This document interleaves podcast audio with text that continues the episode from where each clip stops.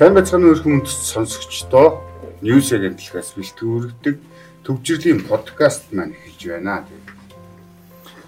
Хаврын урчаар хүмүлжсэн хിവэрээ тэгээ монголчуудын асуудлаараасаа гарч ирсэн бид нар харамсалтай төвжирл зогсоолтой үүдээ бас хүн эрдэнэт хүн бие биенийхээ аминд талтсан хэрэг гарчээ. Тэгээд өнөөдөр News агентлагийн онцлог сурвалжлага бол манай дэлгэр цэцэг бэлтгэсэн сурвалжлага байгаа. Зүүн баян ханг чиглэлийн төмөр зам монголчуудыг тижээнэ гэдэг тижээн гэдэг үгийг хашлтанд хийчихээ. Энэ бол ямар учиртай гэдгээс яриагаа эхлэмээр байна л да тийм. Ааха. Ер нь бол монголчуудын нөгөө хамгийн гол асуудал нь төмөр зам болчиход байгаа. Гэтэ одоо нөгөө засгийн газрын удирдлагууд чинь юу бүгд л одоо тэгээ төмөр зам бараг л хизээ мэдгүй ашиглалтанд ороод л экспорт зэрэгэд л улс төр дараа хөгжил нөгөө баяжхан баарггүй гэдэг шиг л юм яриад байгаа юм л да. Гэхдээ нөгөө бодит байдал дээрээ бас яг ямар байх нь гэдгийг нь өөрөө их тодорхойгүй яг цаг хугацаал харуулах бах. Тэгээд яг энэ чүүднээс би яг тижэн гэдгийг хашлтанд басан байгаа. Мэдээж одоо 5 толгой зүүн баян болон энэ зүүн баян ханг чиглэлийн энэ салаасан төмөр зам нь өөрөө эдийн засгийн хувьд бол асар нөгөө тий ач холбогдол өндөртэй. А тэгээд ялангуяа энэ зүүн баян ханг чиглэлийн төмөр зам өөрөө яг бугттай ойрцсноор манай Монгол улсын хувьд одоо экспортыг 3 дахь гарц нэгдэж замын үед одоо 2 дахь замын үед 2 дахь гашуун сухад болно гэж үзэж байгаа юм билээ л дээ. Тэгээд энийг ерөөсөө Дорногов аймаг дээр яг ажиллах үеэрээ шууд 10 сард бараг ашиглалтанд оруулна. 6 сарын дараа гэж зарлчихсан. Гэтэ яг нөгөө хариуцаж авсан хүмүүст нь бол бас ер нь бол 10 сард ашиглалтанд оруулахын төлөө бол хичээн энэ бол нэлээд том үүрэг хариуцлага. 10 сар гэдэг өөрөө их нэлээд давчин хугацаа гэдгийг бас энэ баг нөгөө наашаарч энд цаашаарч өөлжл хэлж байгаа шиг байлээ. Ер нь тийг санагдсан. Тэр дараа нөөс үе очир ингээд шудан 50 гэл нэг бичлэг яваад шүү дээ. Зүгээр 50. Тий зүгээр 50 50 би мэдчихээн гэл тий. Тий. Яг тэр нь шиг нэг юм болчих шиг боллоо. Тэгээд дээр нь нөгөө царгийн ирүүл бас царгийн ирүүл бас л байсан. Тийм тэгээд энэ цариг уг нь зүүн баян ханг чиглэлийн төмөр зам өөрөө дөнгөж шаваа тавьж барилгын ажилтны хэлж байгаа болохоор нарийн цариг тавих уг нь бүрэн боломжтой. Өмнө нь бол төмөр замдаа бид нар өргөн царгаар тавьчихсан. Тэгээд яг үн нарийн цариг тавьвал эдийн засгийн хувьд бол илүү өөр ашигтай гэдгийг салбарынх нь өөрөө ч тэр эдийн засгч төрөл хүлээмж зөвшөөрж байгаа. Гэхдээ энэ царигтай холбоотойгоор ерөнхийдөө төрийн одоо бод баримтчгийн бодлого дээр одоо өргөн царгаараа л явна гэд тохирсон ингээд тогтоол заасан учраас өргөн царгаараа л явна гэж хэлээ л дээ. Ер нь ийм байр суурь гэлжилээ. Тэгээд бас эдийн засгчдын бас нэг өмнө шүүмжилсэн зүйл бол уг нь энд илүү ач холбогдохоос илүү энэ бол өөрөө эдийн засгийн үр ашиг багтай 5-7 гашуун сухад чиглэлийн төмөр зам илүү үр ашигтай үнийг өмнө нь ашиглалтанд оруулах байсан юм а зүүн баянгаас өмнө нь одоо зүүн баянгаа эхэлчихнээс нь ч гэсэндээ 5-7-ог 7 сард нээсэн үр ашиг багтай гэдээ яриад байгаа байхгүй юу. Тэгээ яг энэ талаар сангийн сайд болон зам тээврийн яамнаас асуухад бол ер нь бол яг төвийг сахижилээ л дээ. Айл айл нь бол өөр ашигтай. Гэхдээ бидний хамгийн гол анхаарч байгаа зүйл бол зүүн баян ханги чиглэлийн төмөр зам юм а гэл энэ дээр ярьсан бүгдээрээ л ер нь их гой гой юм ярьж илээ л дээ. Тэгэл яг л өстэй 30 сая доллар оруулна, тэдэн ам доллар химэнжаа гэдэл ер нь бол Монгол улс төр дараал хөгжих юм шиг л ярьсан. Гэхдээ яг бодол дээрээс яах нь. Тэгээд халтар сайдаас өөрөө мэдшилүүлээ л дээ намайг энэ зүүн баян чиглийн замыг одоо бол ашиглалтанд яг хугацаанд багтчих оруулах нь гэдгийг олон хүн харсан баха. Яг тэгвэл дархны замыг бариаггүй олон жил болж иж юун төмөр замыг одоо энэ ялангуяа хангин чиглийн төмөр замыг 10 сард барих вэ гэд гайхах болов. Гэхдээ энэ бол бүрэн барих боломжтой. Бараг л замаасаа илүү төмөр зам ашигтай гэд хэлсэн л дээ. Тийм болохоор бараг л илүү энэ дээрээ те төвлөрч ажиллаж байгаа гэдгийг хэлсэн. Гэхдээ зүгээр миний тэнд сонсон альбом бос их сурвалжаар гэдэг шиг яг энэ зүүн баян чиглэлийн одоо төмөр замыг а ер нь ашиглалтанд оруулах гэж нэлээд бас чардацгаас юм лээ. Наана нам гараад хилцүү учраас тэрэндээ хүрхийн төлөө бусад хүмүүс нь хүртэл ингээд тэнд дайчлагдсан. Ер нь тэгээд ерөөхдөө арай наан эртэд хийсэн юм арай болоогүй байсан гэдэг зүйлээ хэлсэн. Ерөөхдөө одоо нөгөө бүтээн байгуулалт нь 5 5 баянгийн бүтээн байгуулалт дуусчихсан. 97 овтой бараг л туршлын төвлөлтөд эхлүүлчихсэн. Тэгээд 3 сарын 25-нд ерөнхий сайд очиж өөрөө баг албан ёсны нээлттэй хийх юм бэлээ. Төвлөлт эхлүүлснийг зарлаж. Тэгээд энэ эндээс бас энэ сурвалжлаас миний зүгээр ингээ харсан зүйл Дорноговь аймагт а одоо явж явах та. Эн чинь өөрөө ингээд 1300 гаруй хүний ашийн байрыг бэлдэн одоо энэ төмөр замыг дагаад тэгээд уул уурхай нөгөө бүстэй голынх яг нөгөө нэг бараг нөгөө юу лээ алтан дээр суусан гэдэг шиг аймаг болоод байгаа байхгүй юу миний харсаар бол? Гэхдээ яг энэ сумын төвүүдийг харахад бол хөгж нөгөө нэг хуучнараа социализмын хിവэр гэдэг ч юм уу тий тэгжил харсан л та яг хэрвээ уул уурхай даагуул яг энэ аймаг өөрөө Э, тэгж хөгжижлаг болж чадах уу гэсэн бодлоос төрсөн. Ер нь бол тиймэрхүү харагдсан л та. Зүгээр миний бодол. Тэгээд энэ малчтын хувьд бол яг нөгөө нэг тийм төмөр замыг бол эсэргүүцээгүй мэдээж улсын бодлого бид нар дэмжинэ. А гэхдээ төмөр замаа барихтаа ядаж бидэнд нөгөө энэгээ хашаалаад өгөөч. А мал хувьд дайруулж ингээд тэ мал хорогдож гин гэдэг зүйлийг хэлжлээ. Яг нь сумын удирдлагууд нь бол өнгөрсөн жил рүү авч явуулцахтаа ингэж хэлсэн юм байна. Төмөр зам барихтаа а дээгүүр нь гүүрэн байгууламжтай, доогуур нь нөхөн байгууламжтай тэмээ мэмээ гаргахад бол ямар ч асуудалгүй гэд тэгсэн чинь нөгөө нөхөн байгууламж нь болохоор яг байлалтай. Гэхдээ тэр нь тэмээ гарч чадхааргүй жижигхэн. Тэгээд тэр малчт нь гүүрэн байгууламж идэр барьж өгнө гэсэн яасан бэ? Худлаа арчихсан. Одоо бол тэгэл мал хорогдоод яач чадахгүй л байна л да гэж хэлжсэн. Дээрэс нэг дагаад гарч байгаа нэг үр дагавар нь өөрөө одоо тэр хог хаягдлын асуудлыг энэ шийдвэрлэмээр санагдсан. Энэ дээр нөгөө нэг бүтээн байгуулалтын дээр аягүй олон хүмүүс ажиллаж байгаа шүү 40 мянган хүмүүс ажиллаж байгаа. Гүн тэр олон хүмүүсийг дагсан тэр хог хаягдл өөрөө байгаль дими нөгөө хаягдаад бас хог болж ингээд үлдчихэж байгаа. Экологд ер нь бол нэлийн хортой байна гэх зүйлийг бол малчт нь бас энэ дээр илүү санаа зовж илээ л дээ. Тэгээ нэг иймэрхүү л сонь сайхантай энэ да гэдэг шиг говь газар юм чинь бас айгүй салхилж байгаа тий. Тэнгүүд нөгөө хог нь ингээ хийсээд ирэнгүүт байгаль орчин экологийн хувьд бохирдол үүсгэж байгаа. Аа тэн дээр бас нэг зүйлийг ярихад одоо энэ ханг чиглийн зүүн баян ханг чиглийн энэ төмөц замыг барихад улсын төсвөөс нэгч төгөр гарахгүй гэж байгаа. Тэгээд энэ дээр нөгөө хувийн одоо компани концессийн гэрээр гээд үзэглээд одоо одоо 30 орой жоохон хийж ажиллаж байгаа гэж байгаа байхгүй юу. Тэгэхээр энэ дээр чи нөгөө замаасаа бас ингэ зарим нь буцаад ингээд гацхуйдэ гэсэн юм бас бодол төрсөн л дөө. Яг төсөв хөрөнгийг өөрсдөө яг 100 гаргана гэхэр чинь нэлээ чанга болоод гэж харсан л да. Тэгээд энэ маршрут их сонирхолтой харагдаад байгаа л да. Одоо манай уншигч нар зүүн баян ханг чиглийн төмөр замын зам монголчуудад хичээнэ гэж сурвалжлагаа руу ороод уншаад зэн зүгээр одоо энэ замын график байгаа дээ шүү дээ. Тийм тийм. Энэ нь болохоор одоо дахин сэлэнгийн бүсээс замын үд ирээ жинийн хөхөд Угт гэдэг дээвэрлтийн маршрутаар сайшаа зүүн баян ханг мандал угт гэдэг ингээд болж багсаж байгаа гэдэг юм. Ингээ харахад хойшоо ингээд явж явсаар гад ингэсээр гад энэгээр л ингэж гарч ирж байгаа. Уг эн чинь босоод инглигийн зам байсан бол ташин сухатын зам чинь бол шууд ингээд нэвтлээд ингээд гараад ингээд явчих ийм зам байж их гөлөг төрүүлж байгаа юм шиг л манай төрийн хүн юм яриад байгаа байхгүй юу. Тэгээ энэ хоёрын ач холбогдол юу байх вэ гэдгийг та бүхэн бас өөрсдөө энэ сурвалжлагыг ороод нэг хараад энэ маршрутын төмөв зам яаж бэрхэж байгаа гэдэг зураг төслийн харуул хаагур хаагур явж байгаа дамжиж байгааг томоор нь харах юм бол нэрийг удаж бас хоёрыг том байна тийм бид бүхэн төр засгийн хүмүүсийг муулах гадаагаар биш бодит нөхцөл байдал нэг ийм байдалтай. Тэгээд биднес чинь манай түрүүн дэгийг бас хэлж чинь дархны замаа барьж чадахгүй ингээд энэ авто замыг барьж ихт нөгөө маш өндөр технологи тий техник эдийн засгийн үзүүлэлт шаарддаг төмөр замныгаа ийм уртаа хугацаанд оруулцдаг бол үнэхээр л дараа нь энэ төмөр замаа нөгөө шаардлага хангахгүй болоод янз бүрийн асуудал үүсэх үедээ бас асуудал тэрхий яарснасаа болж тий. Тэгээ тэр нь бас нөгөө зарим яг тохиол ийм систем байдаг штэ. Төмөр зам яг нөгөө гэдэг. Энэ нь болохоор хоод хурцтэр бас байгаа ч гэтлээ. Ямар ч гэсэн бас хэрвээ тэр нь гацчихгүй бол ер нь бол хугацаанд орчин гэдэг зүйлийг бас ярьж ирсэн зарим нь шилжиж. Тийм.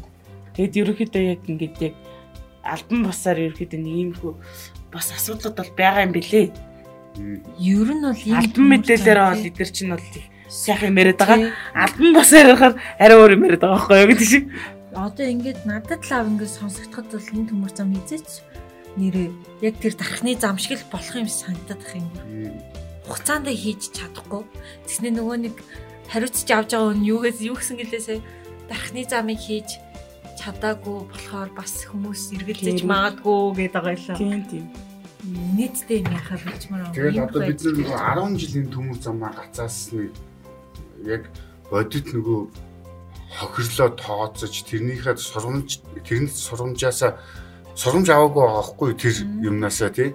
Одоо хүртэл ингээд ийм юм тавил. Тэгэл энэ бүх юм бодлого бол эцэстээ явж явж нэг л нэгж байд юм уу хэсэг бүлэг хүмүүсийн ч байд юм уу нөгөө нэг явцсан үр хашийн өвднэс тавигдсан зам бах те тэгээ нөгөө найзан дундаа мундаг ах дүүнер шиг байгаад ийсэн төрийн өвдөрлөг алтан өндөр алтан тушаалтан тэрний гор ингээд одоо энэ хүртэл ингээд гарч ирж жишээ нь. Тэгээ бас нэг юм за яг нь одоо төмөр зам баригдчихлаа тий. Тэнгүүд нь буухтад бол монголчуудын тоо бол нэлээд бага штэ хөхөт замын үдэг бодвол. Хөхөт ирээнийг бодвол буухтад бол бага. Тэнгүүд одоо ингээл монголчууд ч буухтаар дамжаад нөгөө каргоны үйлчилгээ хийх бас нэг гарц гараад ирчихэл байгаа юм л да тий. Ингээ харахаар буухтад бол монголчуудын тоо ихсгэл юм. Тий өмнө ирээнийг ямар хөгжүүллээ тий. Одоо тийшээ бац тийм гоё хөгжиж ярьж чадаж бид нар өөрсдөө хөгждгөө бас тийм хөгжүүлээ бүх хөнгөө аваач гэж өгөөд байдаг тий. Тэгэд ийм гонхтой ч юм шиг сэтгэл төрлөө. Бас л ирээн замын үд хооронд чамдаана барай явах бас л хэцүү шттэ хэцүү. Энэ дээрээс анхаарах байхаа бид нар. Яг адил өнөөдөр бас нөгөө алдарт олимпиа Төвшин баярын саатуулах баримтлах хугацаа дууссан юм байна. Энтэй холбогдлолтойгоор нэг шүүл шүүх бол бас болж байна. Тэгээд манай шигчдийн анхаарлын төвд байгаа бас нэг сэдв бол энэ Европ Европ Орос Украины дайнтай холбоотойгоор энэ Европын нефтийн асуудал бас нэг хүчтэй төвд байна. Бид нэр бас нэг жагсаал зохион байгуулагчид маань нэг нэгээ эсэргүүцэхдээ дутуу ойлгосноосоо болоод Оросынх нь бензинээ нийлүүлэхээ болчул яах юм гихчлээ эсэргүүцэл нөөвар хөдөлгөөнийг илэрхийлж байгаа харагдсан тийм.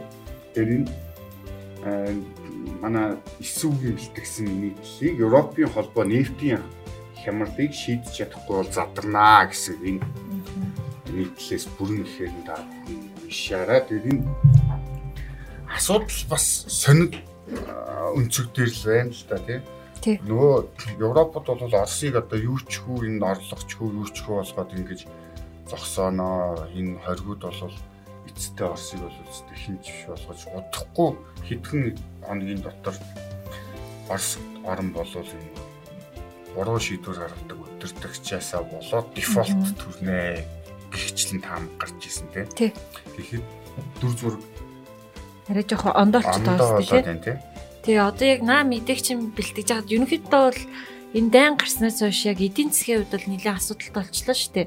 Европын холбоо, Америкийн нэгдсэн улс те Герман ч гэсэн ингээд Оросын холбооны улстай ямар нэгэн гэрээ харилцаа ахиж хийхгүй гэж мэдэгдээд байсан боловч яг Америкийн нэгдсэн улсад бол өнгөрсөн 7 хоногийн сүүлээр бензиний үн бол нэлээд өндөр боллоо. Яг зөвнөлт кинон дээр зөвнснөөс илүү өндөр бензин толцлоо шүү дээ эдгээр. Тэнгүүд нөхцөл байдал яг Европын холбоонд болон Америк нэгдсэн улсад өөрсдөд нь айгүй хүн толчод байгаа байхгүй. Эднэр ингээд одоо барууныхан бол тэ бензингүй, байгалийн хийн түлшгүй тэ нефтгүй болоод эренгүүтээ ард иргэдийнхаа хэрэгцээг хангаж чадахгүй. Өөрсдийн дотоодын үйлдвэрлэлийнхаа хэрэгцээг хангаж чадахгүй болчихно. Оросын холбооны хуулсын хувьд бол яг баруунаас яг э, тийм байгалийн хийн нефтийг борлуулдаг нэг хоёр том компани л байгаа гэж байгаа байхгүй. Тэр нь болохоор Shell тэгээ LNG билүү. Энэ хоёр л компани байгаа. Гэхдээ энэ нь Оросын нийт зах зээлийн 5% л эзэлж чаддаг. Маш бага хувь байгаа. Тийм маш бага хувь. Оросууд бол үлдсэн те 95% өөрсдөө ингээд зохицуулж чаддаг. Тиймээс энэ хоёр том компани өөрсдөө одоо ингээд үйл ажиллагаанаас гарлаа 5 5% тэр хомсдлыг бол Оросууд өөрсдөө нөхөж чадна гэдэг ийм судалгааны дүн гарчаад байгаа юм. Энэ л яхав нөгөө судалгааны дүн гэхээсээ илүү томоохон компаниуд болон те нөгөө нэг корпорацуудын эзэдүүдийнх нь өөрсдийнх нь дүгнэлт болоод байгаа юм л та. Тэнгүүд Олаф Шалц бол хэлсэн би одоо Герман улс бол Европын холбооны хоригт оролцохгүй гэж хэлчихсэн байна. Учир нь яагаад гэвэл Герман ч өөрсдөө нөгөө нэг нүүрсний хэрэглээ гэхээсээ илүү байгалийн хинтэй цахилгаанаар ашигла ингээд ажилдаг болохоор бас иргэдийнхэн хэрэгцээг бид нэр хангах ёстой. Улс нийгмийнхаа хэрэгцээг хангах ёстой гэж үүссэн. Тэнгүүд энэ дайны ганц хамгийн том бардам байсан хүн бол Жо Байден шүү дээ. Жо Байден л яг ингээд Оросын албаны үсрэг эсрэг ингээл 20 гаруй хэмжээнүүдийг уриалаа л тий. Украинтэй Зеленскийтэй шууд холболттой ингээ уцаар ирдэг боллоо моллоо гэжсэн. Жо Байден хүртэл ингээ бензин бид нэр Оросоос авахгүй гэжсэн. Тэгтэл Жо Байден өөрөө болохоор Америк нэгдсэн улсынхаа хэрэгцээг хангаж чадахгүй болчихж байгаа байхгүй. Хамгийн нийтдээ. За тэгээ 4.5 сая баррел нефтийг ерөнхийдөө бол Америкийн нэгдсэн улс олох гээд ингээд хит хитэн аргуудаар ингээ хайж үтсэн боловч олоогүй татгалзаа хариу авсан. Тэнгүүтээ Америкийн нэгдсэн улс өөрсдөө Оросын нефтэд тавьсан хоригоо өөрчилж тэгээ эх 2 сарын хугацаанд юу н Оросоос авах дараа нь ч гэсэн тэ хувийн компаниар дамжуулан үргэлжлүүлэн авсаар байх тийм өөрчлөлт оруулсан. Энэ болохоор улс төрийн замаар биш зүгээр л хувийн компаниудаар Оросоос ингэж нефттэй байгалийн хийнийхээ хэрэгцээг хангана гэдэг юм заалтыг гаргацсан байгаа юм. Өөрөөр хэлбэл хийн хоолоогоор биш өөр бүтцээр авна гэсэн үг шүү дээ. Өөр далаа дээвэр байх бах хамгийн хямдтай өөрөө тийм. Аа яалтч юу Европын холбооны яг хамгийн том зах зээлийн одоо нийлүүлэгч нь Орос болчихсон болохоор Орос болоод нэлээд удаж байгаа болохоор эднэрт өөр арга одоохондоо олдохгүй байгаа байхгүй. Тэгэхээр ард иргэдтэй өөрсдийн дэвшилтэд технологи хөгжүүлж чадахгүйс болоод яалтчгүй задрах аюул бол гараа та. Энэ дээр ч гэсэн Европын холбооны тэг хит хит улсууд ер нь бол сөргөлдөөнтэй байр суурьнд хүрсэн байна. Тэгээ Герман чи өөрсдөө яг эрчим хүчнийхээ нөөцийг тэр э, хийн хийгээр бүтүүлж шít те. Тэгэхээр чи яалтчгүй тэрэндээ захирагдах хэрэгтэй баг. Тэгэл хэдэн жилийн өмнөөс ч гэсэн одоо энэ нөгөө цаг уурын хэцүү нөхцөл байдал тэргээр нөгөө хий хоолоонууд хөлдөх бэхжлэн 2 3 жилийн өмнө ч гэсэн хэцүүхэн байдалтай өвөл учирлаа гэдэг мэдээлэлүүд гарч ил байсан тийм. Тэгээ манайхан гэтэл чи одоо энэ бас хий хоолоо бид нэр одоо манайхаар энэ хятадууд нь авна гээгүй байхад дамжуулахаар болсон гэрээг нь үзгэлцсэн тийм. Тэгээд одоо ирээдүйдээ бид нар агаарынхаа охирдлыг багасгах одоо мундаг нөөцтэй болно гэж байдаг. Гэтэл тэр албаны хүмүүс сийн мэдээлэл хийж их үеэр бол яг манад ашиглуулах уугүй юу гэдэг дээр бол тодорхой нэг ч хариулт өгөхгүй байгаа тийм. Одоо Украины асуудал гэх чил энэ бас нэг юм маргаанаас болол байдал хүндрэлэн шүү дээ. Нөгөөдөл нь энэ хий олоог бид нэр өөрсдөө нотог төсвөр яаж байгаа эзэмшин гэдэг нэг талаас байр суурь илэрхийлдэг нөгөөдөл нь бол үгүй бидний өмчөө гэдэг байдлаар хацаар байгаа асуудал хурцтлаа тийм. Тий. Ер нь бол байдал ийм байна. За тэнгууд бас сүулт би нэг мэдээ уншиж хахад Хятад улс манай одоо Gobi Desert гэж ярьж байгаа шүү дээ. Говь цөлд нэлээд том тийм цахилгаан станцыг байгуулнаа гэсэн байсан. Цахилгаан нар салхины станц байгуулна. Яагаад гэсэн чинь говь цөлд болохоор газар хямдхан байдаг. Тэнгүүдээ нар салхих сайтай байдгаа. Тиймээс яг хятадын одоо тий буурай хэсгийг нэлээд хөгжүүлнэ гэсэн нэг тийм мэдээ яваад исэн байхгүй. Тэнгүүд одоо манайхан яачих юм те энэ Европын холбоо ингээд Оросын байгалийн хинээс хамааралтай болцсон багт бид нараас хятадын дээр нар салхины технологитой хамааралтай болчих үү гэдэг бас нэг асуудал байна тий. Тий хамгийн аюултай бид нар нөгөө манай төр зэсэг байгаа мөртлөө гадны нөгөө хэвлэл мэдээллийн мэдээллээс Монгол болох үйл явдлуудыг мэдээд байдаг. Тэгээ улс хооронд ямар харилцаа яагаад байгаа гэдэг юм юм юу мэдээ наадах чинь байна. Гэтэл чинь одоо энэ нар салхины сэргээгт хэрчим хүч гэж яриад байгаа ногоон эрчим хүч хийж ирж байгаа тийм. Энэ чинь өөрөө өртөг маш өндөртэй тийм.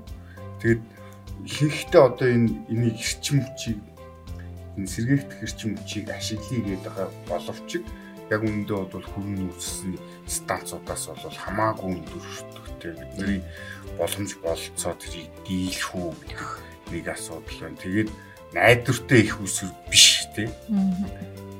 Тэгээ өөрсдөндөө зориулж байгаа болохоос биш. Магадгүй бид нар зөвшөөрөл олгоод мөнгийг нь авч жагаад газар нутгаас ашиглуулах байдлаар хандаж болох л баг. Гэхдээ бид нар бидний их үсэр байж чадахгүй.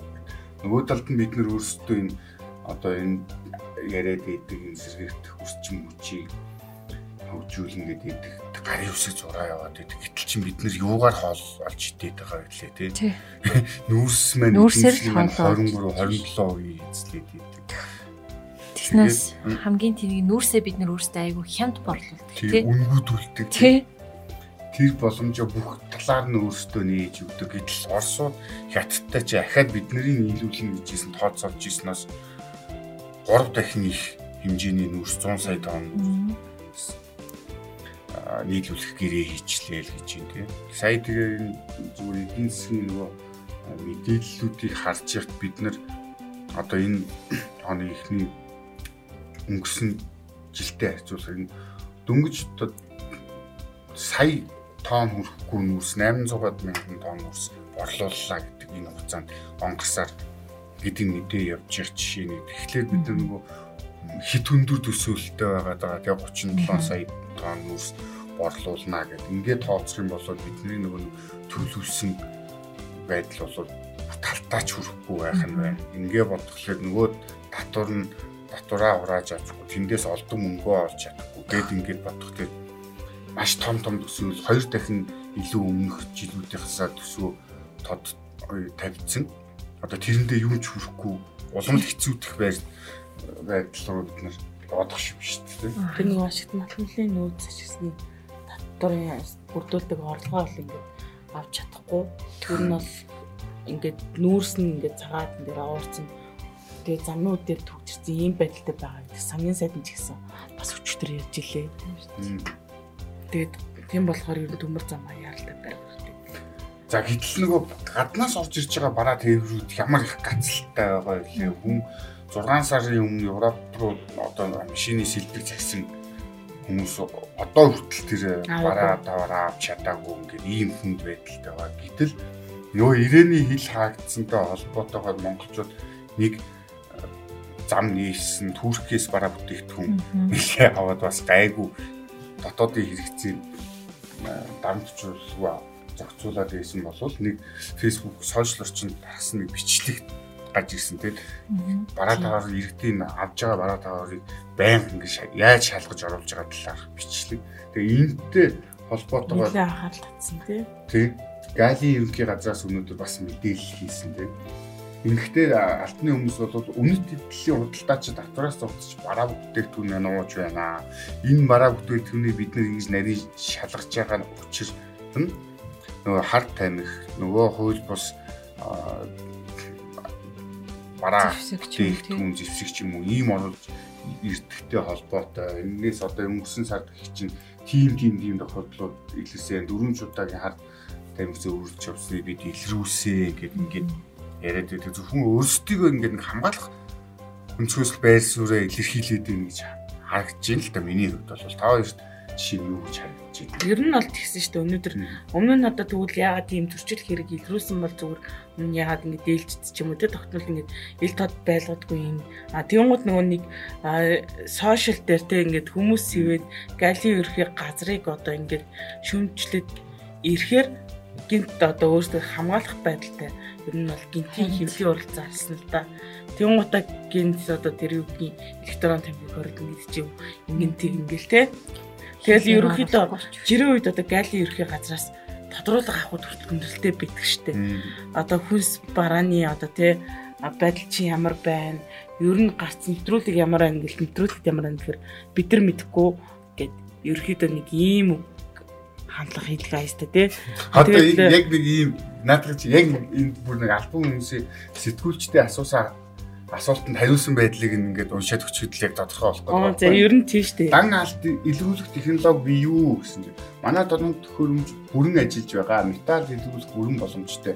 Хүн хард тамиг илрүүлэх боломжтой. Эрдэмтгийн ухаалаг төхөөрөмж боловч барааны тоо хэмжээ гаргаж ирдвэ. Тиймээс биетээр шалгалт хийсэн. Гараараа ингээд хөрөмч нөгөө технологи нь байгаад байгаа байхгүй. Тэгэхэд заавал хүндрүүлэх гээд те. Тийм. Тэгээ тэн чинь илэрхгүй байгааг нь бол зүгээр явуулчаа те. Илэрсэн тохиолдолд тэрийг нь задлж үздэг ч юм уу хяналт шалгалт. Уг нь бол тийм байх хэрэгтэй. Баймаар байгаа байхгүй. Тэгэхээр бүгдийг задлаад те. Тэгээ бүгдийг заавал задлаад байх шаардлагатай юм шүү. Тэгээд үргэлжлээ асууж байгаа. Алт мөнгө илэрсэн юм уу?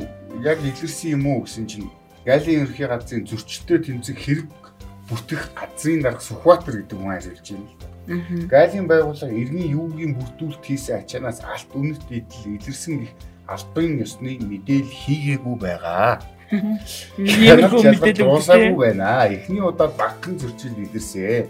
Удахгүй тодорхой мэдээлнэ. Нийт илэрч буй холбогдогчдын 95% нь Монгол иргэд байгаа.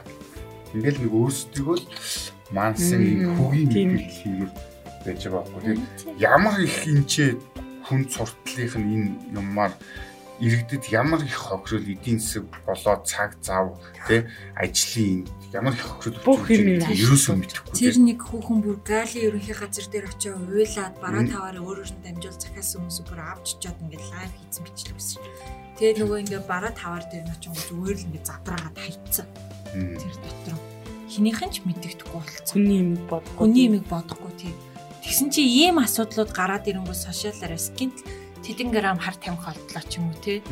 Тиймэрхүү алтан мөнгнүүд олдлоо гэдэг мэдээ гинт л айгүй их гараад ирчихэж байгаа байхгүй. Тий. Яг хин яасан юм бэ гэдэг. Ер нь энэ Оросууд бас их муухай ачааваранд ханддаг тий одоо байхгүй болчлоо гэж гомдлууд бол улс орнуудаас маш их ирж идэг тий ачаа ингэчлээ тэгчлээ Яг тэрнтэй адилхан манайх нэг ийм хөгийн хүн сурталтай. Тэгээ өөрөөсөө юу ч үйлдвэрлэдэггүй хийдэггүй хэрнээ гаднаас ингэж нөгөө хэрэгцээгээ хангаж байгаа иргэдийнхэн асуудалд маш ийм бүтүүлгээр ханддаг, төв хүчрүүлдэг, хүн сурталтыг явуулдаг. Цаг завыг хөрөнгө тэгээд ийм эдийн засгаар нөхрөөдөг ийм хөгийн байдал. Тийм шүү дээ ханддаг нь болмоор байгаамаа. Энэгээр манай редакцийн зурвсч гэсэн юм 7 оны редакцийн зурвсаа энэ сэдвийг хийсээ. Надад нэг юм сонирхолтой санагдаад байна шүү дээ. Энэ галийн ажилтнуудыг юу сургуульд сургад юм уу эсвэл зүгээр л төрийн байгууллагт ажиллаж байгаа тийш ингээ авчичдаг юм уу? Тодорхой шалгуурд байдаг юм шиг байна. Байдаг л байх та тий. Тэнгүүд энэ чинь бас галийн ажилтан гэдэг тийм одоо сэтгүүл зүүн хүнд бол байх ёстой чадвар мадвар гэж ярьдаг тийм үү? Мэргэжлийн эмчит байх ёстой чадвар гэж ярьдаг. Тэгтэл галийнханд ямар чадвар байх хэрэгтэй? Мэдээгүй тэгээ одоо жишээ нь бодит жишээнүүд байж л шүү дээ. Одоо их сургууй улсын хурлын гишүүн байсан гишүүн байгаа хүний багш нь жолооны курсийн багш нь байсан хүн гайл дээр одоо бүх юмыг мэдчихээн л гэдэг. Тэнгүүд бас нэг амар тэнэг зав. Миний мэддэг нэг эмчигч Галийн ерөнхий газарт ажиллаж агаад бүр даргыг хийгээд тэтгэвртэй гарсан гэж бодохгүй. Энд ямар ч мэрэгчлээ хүн очиод сууч болох юм уу тийм чинь. Тийм тэгээ одоо гинч шалгалт оруулаа нөгөө замын үүдийг зэгслэгч ингээд баримтчилгаа явууллаа инглээ гэсэн тэр хэрийг яасан бүүмд өнөөдөр нөгөө мундаг ажлын хэсэг байгууллаа гэсэн тэднийх нь үр дүн хаана байгаа уламжлалт хэцүүтэй л ийм байдалтай л байж л юм тийм Дээр нь одоо ингээд бүх юмыг нэг юм харамхуугаар хүчээр шийдэх гэдэг чинь олдлын бас нэг илэрд нь одоо энэ цахилгаан тамхиг хориглох. Яа. Тухай гараад ирлээ шүү дээ. Харин тийм. Энэ тэгээ одоо зүгээр нөгөө улаан тамхи гэдэг ч юм энэ тамхи оруулж импортлж орж байгаа компаниудын лобби юм уу юу юм бүүм тогтоогцсон зогтоогцсон гэдэг манайхан ковидынхаа шинжилгээгч бүрэн гүйцэд болготой авч чадахгүй гэдгийг өөрөөсөө нотлоод байгаа шүү дээ. Тэгчээ нөгөө эрдэмтдийн зөвлөл гэдэг нь болохоор тэр дэлхийн эзэмшлийн байгууллагын нэг зөвчүүд гаргах тийм гинт гарч иж мэдээлэл хийдэг тийм. Харин тийм. Энэ дээр одоо би ингээ хэлчихээ заяа. Дэлхийн нийт зөв штэ. Тамхи татдаг хүмүүсийн 20% цахилгаан тамхи буюу одоо вейп татдаг тийм үү. Тэнгүүд хуулиар зөвшөөрсөн одоо яг цахилгаан тамхи нь хуулиар зөвшөөрөгдсөн бол 100-аас илүү орнууд байдаг. А тэр орнуудыг хараад байхад ерөнхийдөө бол барууны орнууд байгаа. а тэр дундаа нэг Бразил бол байхгүй байгаа юм. Тэнгүүдээ Ирланд дээр байхгүй байгаа юм. За тэнгүүдээ Азаас гингүүд Хятад хуулиар зөвшөөрсөн, Орос хуулиар зөвшөөрсөн, Казахстан зөвшөөрсөн. Тэ Европын холбоо зөвшөөрчихсөн. Австрал эдгээр ингээд зөвшөөрчихсэн байгаа хгүй. Тэгэхээр нөгөө төгөр бол дандаа энэ зөвшөөрсөн улсууд бол хөгжилтэй өөрөө дэд сайтай нөгөө стандарт өндөртэй орнууд байгаа шүү дээ. Эднэр яаж зөвшөөрж байгаа вэ гэхээр нэгт мэрэгжлийн хяналтаа сайн тавьдаг. Хоёрт одоо яг хор хөнөөлтөй гэдгийг ингээд хангалттай сургацсан тийм үү. Түүнтэй эрен дээрээ ингээ бүр хяналт тавиа. За энэ нь зүгээр шүү, тэр нь болохгүй шүү гэдгийг заагаад өгчихсөн. Гуравт хүмүүс нь өөрсдөө ухамсартай хэрэглэгч байгаа. Түүнд манай монголчууд болохоор одоо тий өөрсдөө энэ тамхиа хорж чадахгүй жиж. Жилд хэдэн хүн уушгаар өгч байна хідэн хүн хор тавдраар өгч чинь энийгээ хянчиж чадахгүй жиж гинтл электрон тамхи гээд өсвөр насны хүүхдүүд ингээд авч ашиглаж байгаа дөрөөлөд байгаа юм шиг гинэт тоо. Тэгээ манай энэ тамхины хууль ч гэсэн нэг сонин хууль явсаар байгаа. Нийтлэлийн өнцгөөс харсаар байгаа батлагдсан шүү дээ. Энэ үгэн бол тамхи татдаггүй хүмүүсийн эрх ашигыг хамгаалах хууль нөгөө дам тамхи эсрэг байх хэрэгтэй хууль тий. Тэрнээс биш энэ тамхи татдаг хүмүүсийн эрхийг хязгаарлах тухай хууль баймааргүй байгаа байхгүй. Уг нь бол зөв байгаа онсон бол тэрнтэй адилхан одоо энэ шууд ингэж хориод идэг. Тэгээ бид нар өөрөө дэлхийн ертөнцөөс чинь бид нар одоо хөгжлөөс нь хоцрыгээ тусгаарлах бодлого бид нэр бариад байгаа юм уу. Тэгээ энэ импортын бараа гайлын начаа дээр шалгалт тий.